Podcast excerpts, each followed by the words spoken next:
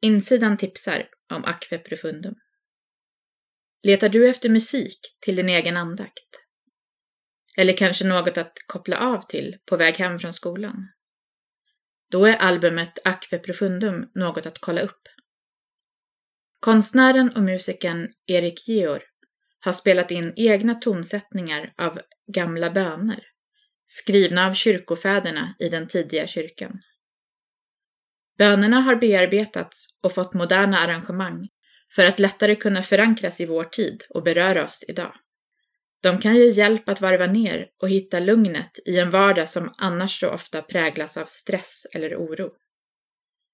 När man lyssnar på sångerna är det faktiskt svårt att tro att texterna skrevs för så länge sedan som under 200 och 300-talen. De är lika aktuella och talande nu som då.